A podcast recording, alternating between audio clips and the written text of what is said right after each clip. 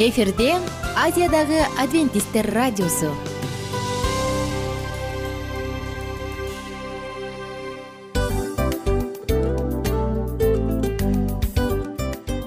Достор салют.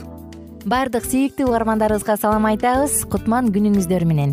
Ден соолук өмүрдүн булагы демекчи саламат саамы программасында баарыңыздарды көргөнүбүзгө абдан кубанычтабыз. Анда алгач амандашып өтөлү арбаңыздар деп. Ден соолугуңуздар кандай элибизде көбүнчө ден соолук кандай дегенде эле жакшы деп жооп беребиз э? ооруп турсак дагы жакшы дейбиз. Анан мен муну айтып ойлойт элем бул абдан сонун сөз депчи анткени бул жакшы деген үмүт да ооба баары жакшы болот. Баары сонун. Деп үмүттөнүп атып эле өзүбүздү өзүбүз дарылап коебуз.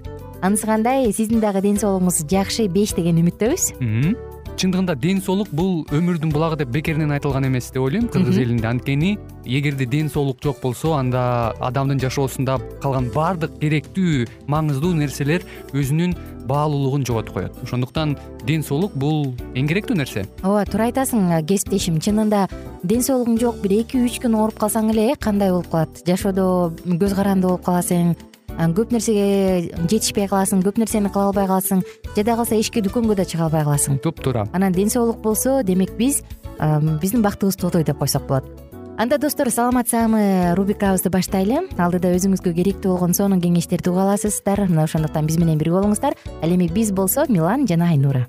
Кеттик алга. Алга саламат саама ден соолуктун жарчысы. Саламат саама ден соолуктун ачкычы. Күн сайын сиз үчүн мыкты кеңештер сонун жаңылыктар кызыктуу фактылар. Биздин рубрикада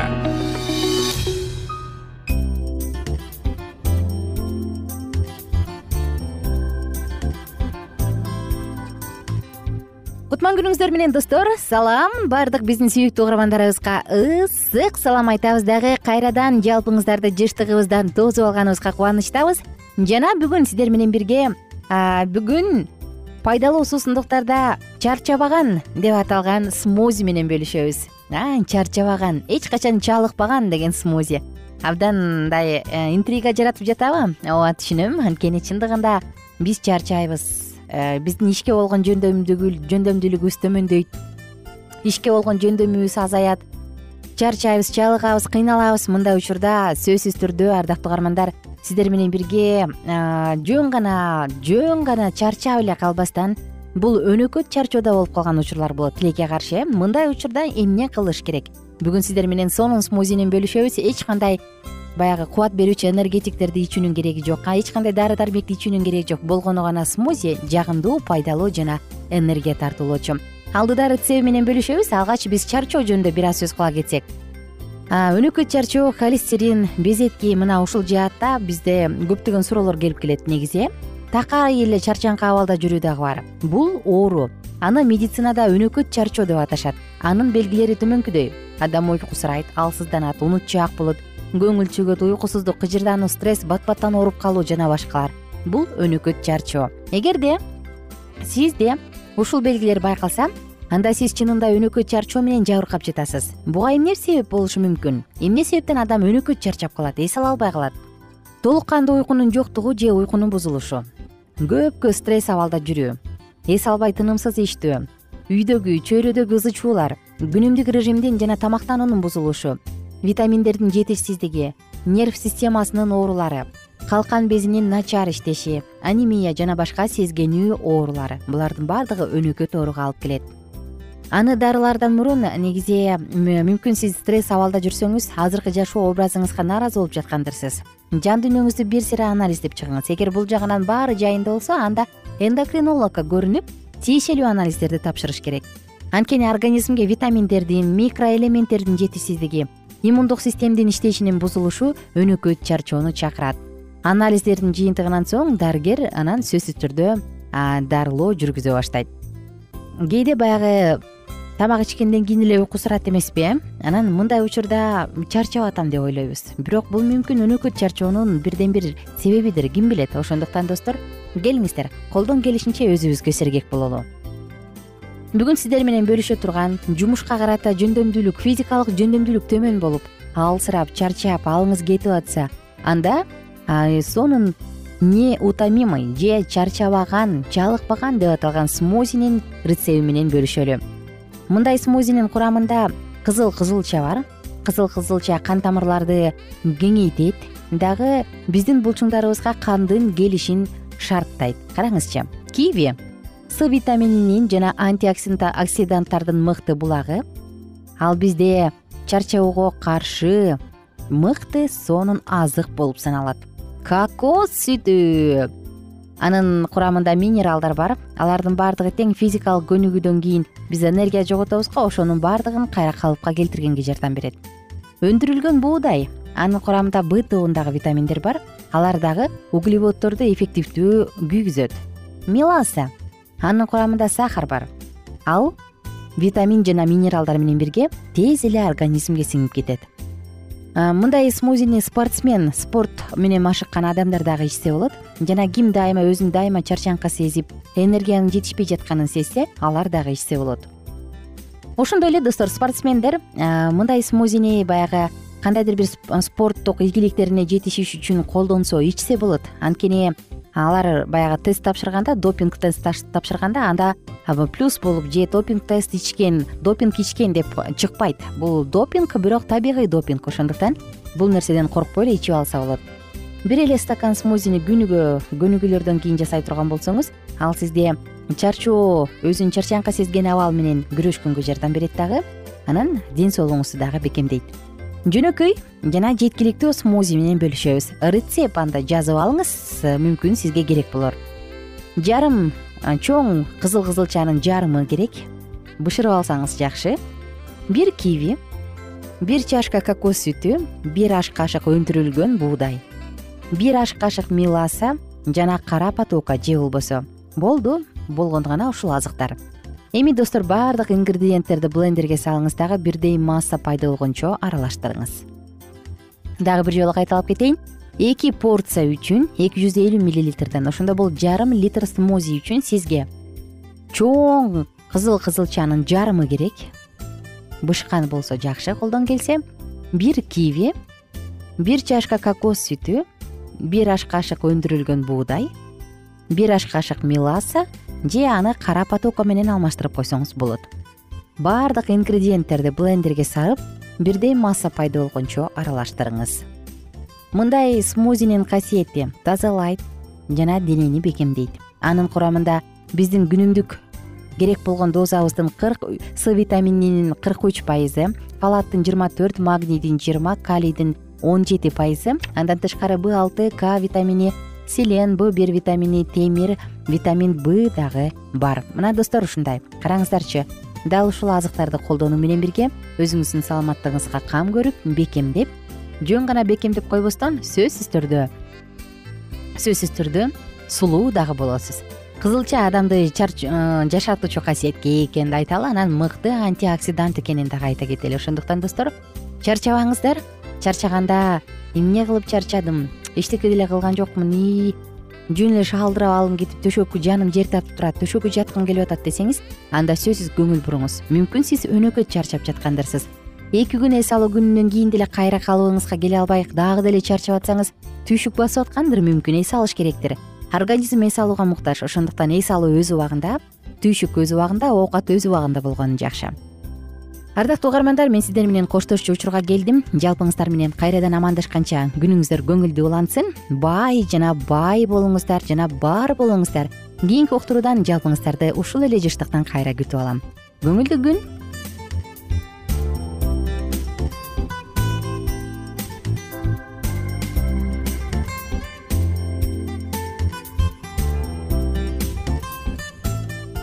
кененирээк маалыматтар үчүн үч w чекит саламат чекит клуб сайтына келип таанышыңыздар. Жана андан тышкары социалдык тармактарда youtube facebook жана instagram баракчаларына катталыңыз. Саламат саама ден соолуктун жарчысы. Саламат саама ден соолуктун ачкычы. Күн сайын сиз үчүн мыкты кеңештер сонун жаңылыктар кызыктуу фактылар биздин рубрикада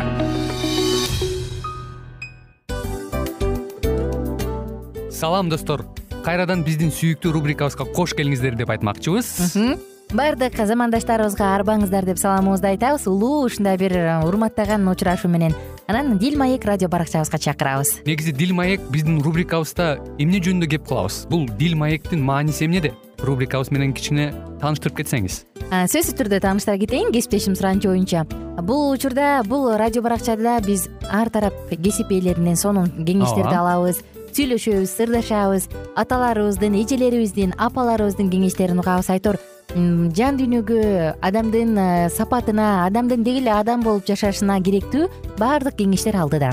Негизи э, дил маек дегенде баягы эки адамдын ортосундагы сырдашуу кенен сүйлөшүү. Негизи эле биз адамдар бири бирибиз менен бир жерге жай жерге отуруп алып өзүнчө тынч жашоо жөнүндө өмүрүбүздө эмне болуп атканын бөлүшкөнү жакшы көрөбүз э адамдар. Ооба туура айтасың анан мындай учурга кээде убакыт да жетпей келет э? Же болбосо сырыңды кайгыңды муңуңду кубанычыңды айткың келет а адамга ишенбешиң мүмкүн. Ооба. А бул радио баракча угармандарыбыздын чыныгы досу. Анткени бизден алган кеңеш сиздин жашооңузга чоң жардам берет. Ал эми сиздин бизге айта турган сөзүңүз ортодо гана сыр бойдон калат. Ошондуктан биздин дил маек рубрикабызга дагы бир жолу кош келиңиздер. Жана биз даярдаган маалыматтарга даяр болуңуздар. Айнура жана милан сиздер менен бирге алдыга кеттик ар түрдүү ардактуу кесип ээлеринен. Алтын сөздөр жүрөк ачышкан сыр чачышкан сонун маек. Дил маек рубрикасында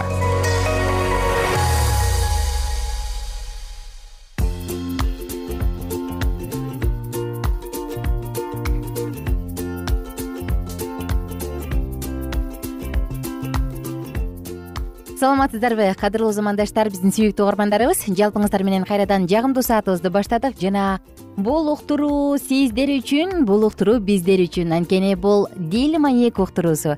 Жалпыңыздар менен жан дүйнөбүздү ачып сырларды чачып баарлашабыз жана албетте сонун маалыматтарды бирге тыңдайбыз. Бүгүнкү тема акчасын туура сарптай билген жесир аял деп аталат. Жана бир аз болсо да эске салсам сиздер менен бирге аял жубай жана эне деп аталган циклды баштап улантып отурабыз. Бул циклда биз тарыхта из калтырган тарыхта жакшы эң мыкты өзгөчөлүктөрү менен же болбосо тескерисинче жаман жагы менен эсте калган тарыхта калган ыйык жазуунун беттеринде калган аялдар тууралуу сөз кылып жаткан чагыбыз. Мына ошондуктан кээде аял дегенде кимдир бирөө басынтып ой аял дейт эмеспи бирок биз айтып жаткан аялдардын каармандардын образынан биз аял бул оңой адам эмес экенинин күбө болобуз э мына ошондуктан бүгүнкү уктуруубузга дагы угармандарыбыздын баардыгын чакырабыз биз менен бирге болуңуздар. Акчасын туура сарптай билген жесир аял. Менде болгон нерселердин ичинен машаяктын падышачылыгы үчүн баалуу болуп эсептелген нерседен башка эч нерсеге байлангым келбейт. Ошолордун ичинен бир нерсе падышачылык үчүн пайдалуу болсо аны берем. Же кудайдын даңкынын талаптарына ылайык өзүмдү калтырам. Давид ливингстон. Акчасын туура сарптай билген жесир аял ыйса курмандыктар салына турган кутунун маңдайында элдин акча салганын карап турду. Марк он эки кырк бир кырк төртүнчү аяттар. Айтарым бул. Аз эккен аз жыйнайт мол эккен мол жыйнайт. Иерусалимде эл жык жыйма. Баардык жактан бүт дүйнө жүзүнөн шаарга жүйүттөр агылып келип жатышты. Бир нече күндөн кийин пасах майрамы. Бул күндөрдү ар бир жүйүт ыйык шаарда өткөргүсү келет. Аялдар пасахка тырышчаактык менен даярданып жатышат. Ар кандай тамактарды нандарды бышырып жатышат аларды карап туруп жүрөгүң кубанат. Буга бир гана аял катышкан жок. Ал акчасын иерусалимдин кууш ири буйру болгон көчөлөрүндөгү кичинекей дүкөндөргө барып коротуп салган эмес. Анын акчасы өтө эле аз ошондуктан ал кереги жок нерселерди сатып албастан ойлонуштуруп туура сарпташы керек. Көптөгөн адамдар жетиштүү эле акча иштеп табышат бирок каяка жумшаш керектигин билгендер аз деп айткан экен чоң рекламалык фирманын президенти. Бул жесир аялдын акчасы аз болсо да аларды кантип сарптоону жакшы билет? Ал ибадаткананы көздөй бет алды. Ибадатканага кирди да түз эле курмандыктар салына турган кутуну көздөй басып келип ага болгон акчасын салды. Болгон акчасын? Ооба бирок анын салганы экөөнү кошкондо бир кадрант боло турган эки эле лепта эле ал өзүнүн жардылыгынын көлөкөсүнөн бир саамга гана суурулуп чыгып кайрадан ибадатканага келгендердин курмандыктар салына турган кутуга көп акча өздөрүнөн ашканын салышканын байлардын арасына кирип жок болду. Жесир аял кандай келсе ошондой эле байкалбастан четке чыга берди байкалдабастанбы жок аны ошол учурда ибадаткананын ичинде отурган ыйса машаяк байкады. Ыйсанын жерде жашай турган саналуу гана күндөрү калган. Бир нече күндөн кийин кедрон суусунун берки өзүндөгү гетсемани багында аны кармап айкаш жыгачка кадашат. Ыйса ыйбадатканадагы курмандыктар салына турган кутунун маңдайында. Элдин кутуга акча салганын карап отурду. Байлар көп акча салып жатышты. Мунусу жакшы бирок мындан алардын байлыгынын чети да уюлган жок. Алардын өзүндө дагы жетишерлик калды. Андан соң аларды жарды жесирди көрдү. Ал өзүнүн майда тыйындарын курмандыктар салынуучу кутуга тарткынчыктай байкатпастан салса да ыйса анын канча салганын билет. Ал жесирдин болгон акчасы ушул экенин башка эч нерсеси жок экенин да билет. Ал колунда болгонун тамакка деген акчасынын баарын салды. Бул аялдын бергени ыйбадаткананын чыгымдарын жабуу үчүн эч нерсеге жарабайт. Эки тыйынга эмне сатып алууга болсун? Ошого карабастан ыйса анын тартуусун абдан маанилүү деп эсептегендиктен ага шакирттеринин көңүлүн бурдурду. Байлар чоң суммадагы акчаларды салып жатканда ал мындай кылган эмес. Бул жарды жесир аял акча салгандардын баардыгынан көп салды. Анткени баардыгы өздөрүнөн артканды салышты. Ал эми бул аял жардылыгына карабастан колунда болгонун тамакка деген акчасынын баарын салды деди ал. Аял салган акча башкалардыкына салыштырмалуу абдан аз эле. Ал эми ыйса үчүн ал аялдын өзүндө эч нерсе калбагандыгы маанилүү болду курмандыктарды берүүдө берип жаткан адам үчүн ошол тартуунун кандай баалуу экендиги маанилүү. Аялдын мындан башка эч нерсеси жок эле. Акчанын өзү кудай алдында эч кандай баалуулукка ээ эмес. Бул тууралуу элчи пабыл афинде сүйлөгөн сөзүндө айткан. Ал дүйнөнү жана анын ичинде эмне болсо ошонун баардыгын жараткан кудай асман менен жердин теңири. Ошондуктан ал адамдын колу менен курулган ибадатканаларда жашабайт.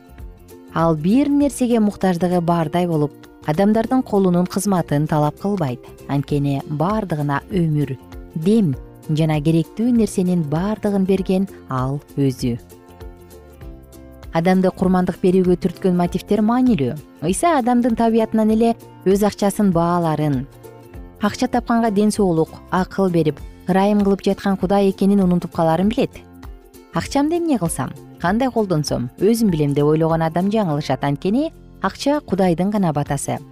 Кудай биздин тартууларыбызды муктаж болгондуктан талап кылып жаткан жери жок. Эгерде биз сараң болсок өзүбүзгө эле зыян. Достор биз ушул жерден саатыбызды токтотобуз. Жана кийинки уктурууда аял тууралуу андан ары маегибизди улантабыз. Биз менен бирге болуңуздар күнүңүздөр көңүлдүү улансын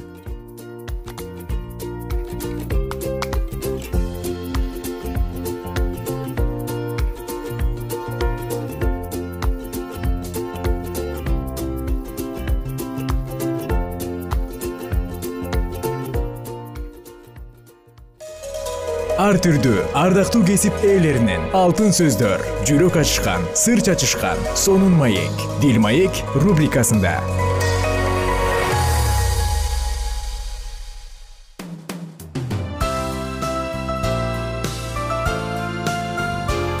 Эфирде азиядагы адвентисттер радиосу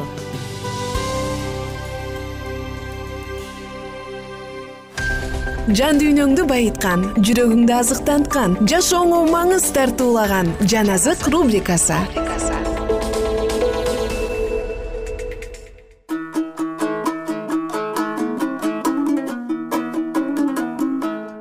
Салам достор. Жалпы биздин сүйүктүү угармандарыбыз менен кайрадан жан азык уктуруусунда үн алышканыбызга кубанычтабыз. Сиздер менен бирге жан азыкта аюб жазган китепти окуп жатканбыз. Аюптун китеби. Пайгамбарчылык китептери тоорат китебинен окуп жатабыз. Биз менен бирге болуңуздар. Аюб бешинчи бөлүм. Эске сала кетсек мурун элипаз деген досу элипаз ага эмне деп айтаарын билбей биринчи досторунан биринчи болуп сөз баштаган эми уланталы эгерде сага жооп бере турган бирөө болсо анда чакыр ыйыктардын кимисине кайрыласың ошентип акылсыздыкты каардуулугу өлтүрөт. Эси жокту туталаңгачтыгы өлтүрөт. Мен акылсыздын кантип тамыр жайганын көрдүм. Ошол замат анын үйүн каргадым. Анын балдары бакыттан алыс. Аларды дарбазанын алдында уруп согушат. Аларга болушаар эч ким болбойт. Анын жейт ачка адам жейт. Ал аны тикенектин арасында өскөн жеринен да жыйнап алат анын мал мүлкүн суусагандар жутуп алышат. Ошондуктан кайгы топурактан чыкпайт мүшкүл жерден өсүп чыкпайт. Бирок адам бийикке учкан учкун сыяктуу азапка туулат. Бирок мен кудайга кайрылар элем ишимди кудайга тапшырар элем. Ал изилдегис сансыз көп укмуштуу улуу иштерди жаратып жатат. Ал жер үстүнө жамгыр берет талаага сууларды жаят кемсинтилгендерди жогору көтөрөт кайгы тарткандар куткарылат. Ал жүзү каралардын арам ойлорун бузуп салат. Ошондуктан алар ийгиликке жете алышпайт. Ал акылмандарды өздөрүнүн эле амалы менен кармайт. Метайымдардын ойлору ишке ашпайт. Күндүз алар караңгыга туш болушат чак төштө түндөгүдөй сыйпалап басышат. Ал жакырды кылычтан алардын оозунан жана күчтүүнүн колунан куткарат. Ошондуктан жакырдын үмүтү бар жалган өз оозун жабат. Кудай ээсине келтирген адам бактылуу ошондуктан кудуреттүү кудайдын жазасын четке какпа. Анткени ал өзү жарадар кылат да өзү жаратты таңат. Ал уруп жарадар кылат да кайра эле өз колу менен дарылайт. Ал сени алты кайгыдан куткарат жетинчисинде сага жамандык жолобойт ал ачарчылыкта сени ажалдан алып калат майданда кылычтан куткарат камчыдай тийген тилден жашынып каласың кыйроо келгенде коркпойсуң. Кыйроо жана ачарчылык келгенде күлөсүң. Жер жүзүндөгү жырткычтардан үрөйүң учпайт. Анткени сен талаадагы таштар менен тынчтанасың. Талаадагы жырткычтар менен ынтымактасың. Ошондо өз чатырың коопсуз экенин билип өз үйүңө көз салып күнөөгө батпай жашайсың. Өз уругуңдун сан жетпей көбөйгөнүн өз тукумуңдун жер үстүндөгү чөптөй өскөнүн көрөсүң. Буудай боолору өз маалында жыйналгандай сен да көргө карылыкка жетип киресиң. Биз ушулардын баарын изилдесек ушундай экен. Муну сен да угуп көкүрөгүңө түйүп ал. Аюб алтынчы бөлүм ошондо аюб мындай деп жооп берди.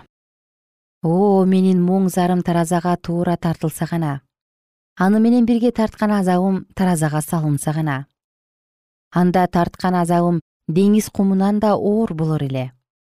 Ошондуктан менин сөздөрүм токтолбостон коюлат. Анткени мага кудуреттүү кудайдын жебелери сайылды. Анын уусун менин рухум ичип жатат. Кудайдын коркунучтары мага каршы топтолду жапайы эшик чөп үстүндө айкырмак беле. Өгүз өз тоютунун алдында мөөрөмөк беле.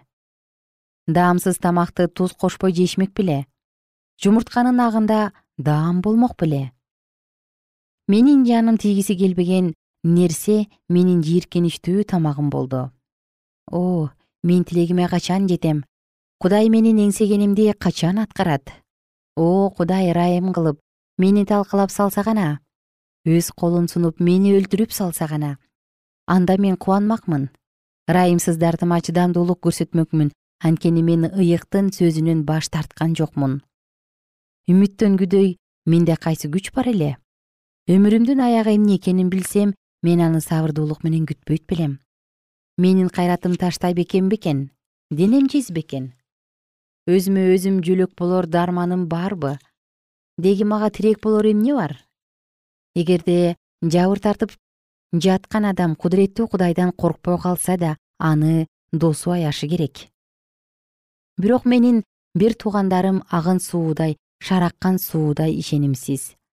Ал муздан ылайыланган суу. Ал сууларда кар жашынып жатат. Күн жылыганда алар эрип кетишет аптапта өз ордунан жок болуп кетишет. Алар аккан багытын буруп чөлгө кирип жок болушат аларды тейма жолдору күтүп турат. Алардан шеба жолдору үмүт кылат. Бирок үмүттөрү таш кабат. Ал жакка баргандардын уяттан жүзү кызарат. Азыр силер да мен үчүн ошондой болдуңар. Коркунучту көргөндө жүрөгүңөр түшүп калды. Мен силерге мага бир нерсе бергиле. Же болбосо байлыгыңардан мен үчүн төлөп койгула. Мени душман колунан куткаргыла. Мени кыйнап жаткандардын колунан кун төлөп куткарып алгыла деп айттым беле. Үйрөткүлө мен унчукпай калайын. Менин күнөөм эмнеде көрсөткүлө. Чын сөз кандай ачуу? Бирок силердин ашкерелөөңөр эмнени далилдейт? Ашкерелегенге сөз ойлоп жатасыңарбы? Сөзүңөрдү текке кетирип жатасыңар. Силер жетимге кол салып өз досуңарга оор казып жатасыңар эми силерден суранаарым жүзүмө тике карасаңар силердин алдыңарда мен калп айтмак белем кайра карап көргүлө калпы бар бекен. Кайра карап көргүлө меники туура. Менин сөзүмдө жалгандык бар бекен. Кантип эле менин кекиртегим кайгыны ажырата албасын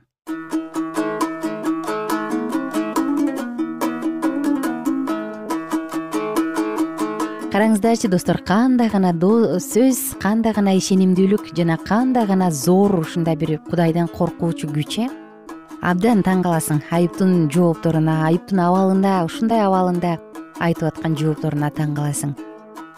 Достор менде бир гана тилек бар. Кандай гана кырдаал болбосун ишенимдүү ойдон калсак биз бактылуубуз сиздер менен кайрадан амандашканча күнүңүздөр бактылуу сонун көз ирмемдерде улансын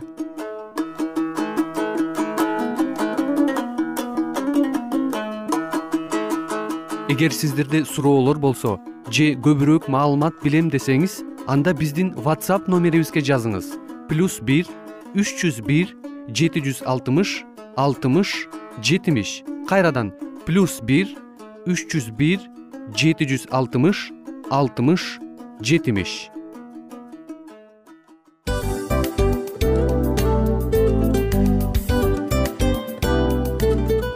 ушул менен достор программабыздын уктуруубуздун эң кайгылуу мөөнөтүнө келип жеттик. Кайгылуу дегенде ыйлагым келип кетти кесиптеш кадимкидей. Анткени баягы учурашасың анан коштошуу учур келгенде ии кантип ии эми бат баттан келиптир э сагындырбай деп атып араң коштошобуз го? Анысы кандай угармандарыбыз менен коштошчу учур келди кийинки уктурууларды сагыныч менен жүрөгүбүздө кусалык менен күтөбүз жалпыңыздарды анан жарым сааттык уктуруу көз ачышым канча өтүп кетти. Сөзсүз бирок бизде жакшы кабар бар. Кийинки уктурууларыбызда сөзсүз дагы кезигишебиз. Анткени биз көптөгөн сюрприздерди кызыктуу маалыматтарды жана керектүү керектүү нерселердин көпүнчөсүн даярдадык.